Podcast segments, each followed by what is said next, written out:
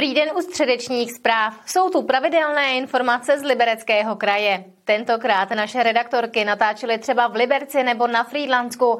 Začneme reportáží o základní škole speciální. Základní škola speciální v Liberci se obává velkých problémů. Kvůli tomu, že ministerstvo školství snižuje objem vyučovacích hodin, by přišla o 15 pracovníků. Mezi nimi je i pět asistentů pedagoga, kteří mají ve škole nezastupitelnou roli.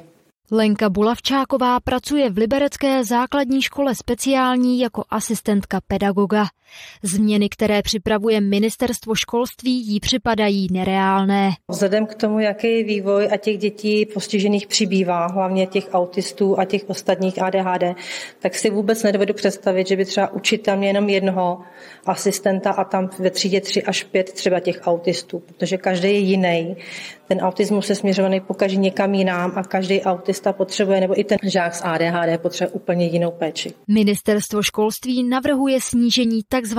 PH maxů, tedy maximálního počtu proplácených hodin výuky.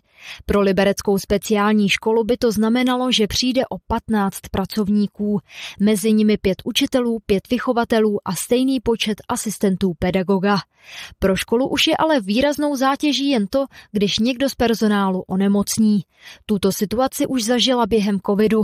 Podle slov Lenky Bulavčákové to byla hrůza. A jakmile třeba asistent musí zastoupit jinýho asistenta a nemůže se věnovat tomu eh, človíčkovi jednomu, tak eh, on nedělá tu práci. On ji prostě dělat nebude. On má svůj svět a on dělá tu svoji činnost. Takže když měl třeba počítat, nepočítal. Tristní je to, že ministerstvo řekne, do školství přidáváme peněz, eh, budou učitele bude mít 130 průměrný mzdy, potom horko těžko hledají, ke kterému roku budou vlastně 130% počítat, aby jim to náhodou vyšlo.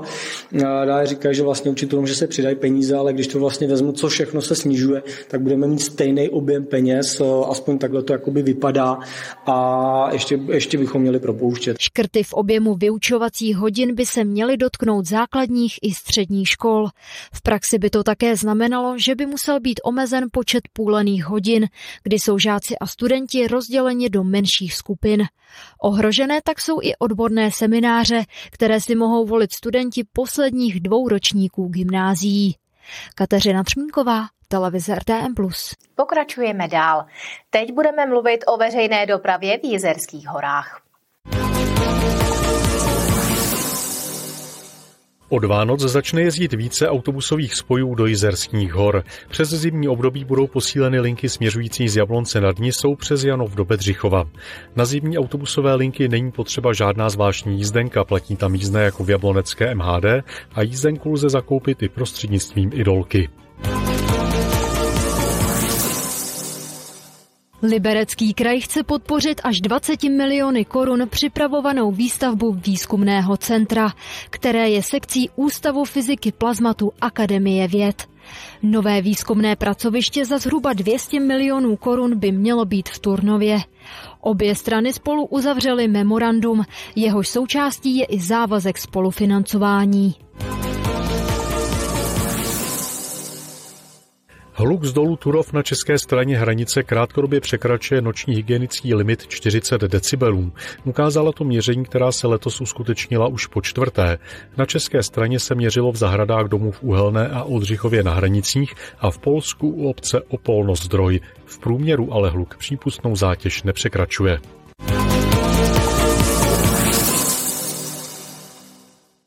Obce na Frýdlansku ušetří přes 13 tun odpadu ročně na svých kulturních akcích. Začnou používat zálohované znovu použitelné nádoby, aby omezili spotřebu jednorázových kelímků z plastu a papíru. Znovu použitelné kelímky pro mikroregion Frýdlansko. To je název projektu, jehož cílem je minimalizovat používání nerecyklovatelných nebo obtížně recyklovatelných jednorázových kelímků z papíru a plastu na společenských akcích. Obce, které se do projektu zapojily, je nahradí znovu použitelnými kelímky. Zakoupili jsme celkem 40 tisíc kelímků ve čtyřech typech. Půllitrové, třetinkové, pak jsou tam 0,2 litru na teplé nápoje a takové ty nejmenší, kterým se říká šoty 0,04. Díky tomuto množství vratných kelímků by se na Frýdlansku mohlo ročně ušetřit přes 13 tun odpadu. Obce zároveň doufají, že ubyde i nepořádku. Kelímky jsou totiž zálohované. Jeden výjde na 50 korun. Jako první vyzkoušelo tento projekt v praxi město Friedland. Zatěžkávací zkouška proběhla 26. listopadu při rozsvěcení vánočního stromečku, kdy ten projekt vlastně realizovali první hasiči z SDH Friedland a použili i poprvé myčku, která je instalována právě na tyhle, za tímhle tím účelem hasičské zbrojnice tady dole ve Friedlandě. Do projektu se zapojilo celkem 10 obcí. Celkové náklady jsou ve výši skoro 2 milionů korun protože eh, jsme žádali o dotaci z operačního programu Životní prostředí, kde jsme obdrželi dotaci ve výši 85%, tak obce ve výsledku zaplatili necelých 300 tisíc. Kelímky mají obcím vydržet pět let. Na tvorbě jejich designu pracovali místní grafici. Obce, které pořídili velké množství kelímků, si mohly vytvořit individuální potisk. Zbylé nádoby nesou logo Friedlandska. Kateřina Třmínková, televize RTM+. Je tu rychlý přehled zpráv. V nich vás třeba seznámíme s novinkou na parkovišti ve Veseckém areálu. Liberecká radnice uzavírá na noc parkoviště ve Veseckém areálu. Řidiči ho totiž využívali pro driftování. Na vjezdu na parkoviště jsou proto nově závody, které ho uzavřou každý den od 8 večer do 7 hodin ráno. Přes den je parkoviště normálně přístupné a to zdarma. Nadace a dobrovolníci podpořili rozšíření školy Jana Blahoslava v Hejnicích. Vybraná částka podpoří rozvoj školy, která reaguje na velký zájem a staví nový pavilon, aby mohla zvýšit svoji kapacitu. Současně tu vznikne místo pro internát a školní jídelnu. Budova by měla být uvedena do provozu v září příštího roku. Návštěvníci Friedlandu se mohou už po třetí projít po Betlémské stezce. Unikátní trasa propojuje pět desítek míst, včetně pohyblivého Simonova Betléma v Zahradní ulici nebo rozměrného vyřezávaného Betléma na nádvoří radnice. Betlémy jsou také v oknech domů, ve výlohách, na vývězce a na plotě.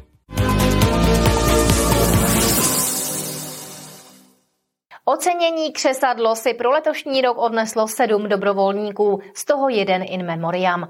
Letos to byl už 12. ročník. Spolupracovali na něm Severočeské vodovody a kanalizace s komunitním střediskem Kontakt a letos nově i Severočeská vodárenská společnost. Oceňování dobrovolníků Libereckého kraje má svou dlouholetou tradici. Slavnostní večer se už po třetí v řadě konal v Liberci ve Vratislavických desítkách. Je to úplně magické číslo. 12.12. 12. máme 12. ročník oceňování dobrovolníků Libereckého kraje, kdy při slavnostním večeru přebírají cenu křesadlo.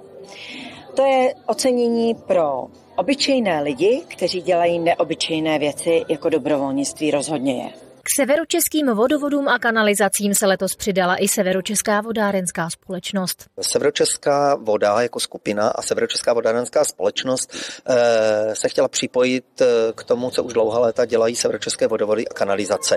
Eh, vyjádřit díky dobrovolníkům, protože dobrovolnická práce je samozřejmě vzácná, cena pro společnost velice potřebná. A my i v našich společnostech dlouhá léta, dá se říct, pěstujeme, podporujeme firmní dobrovolnictví. Letos si ocenění křesadlo převzalo šest osobností. Znamená pro mě hodně.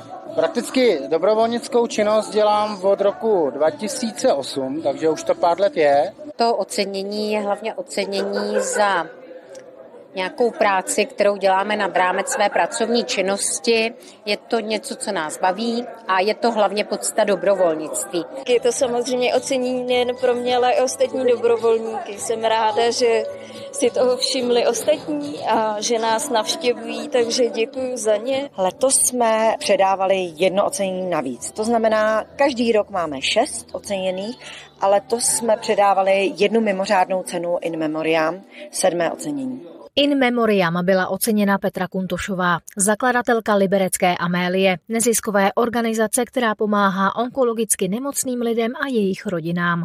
Martina Škrabálková, televize RTM+. Středeční zprávy televize RTM Plus končí, tak zase zítra se budu těšit na viděnou. Pokračujeme našimi pořady. Příjemnou podívanou.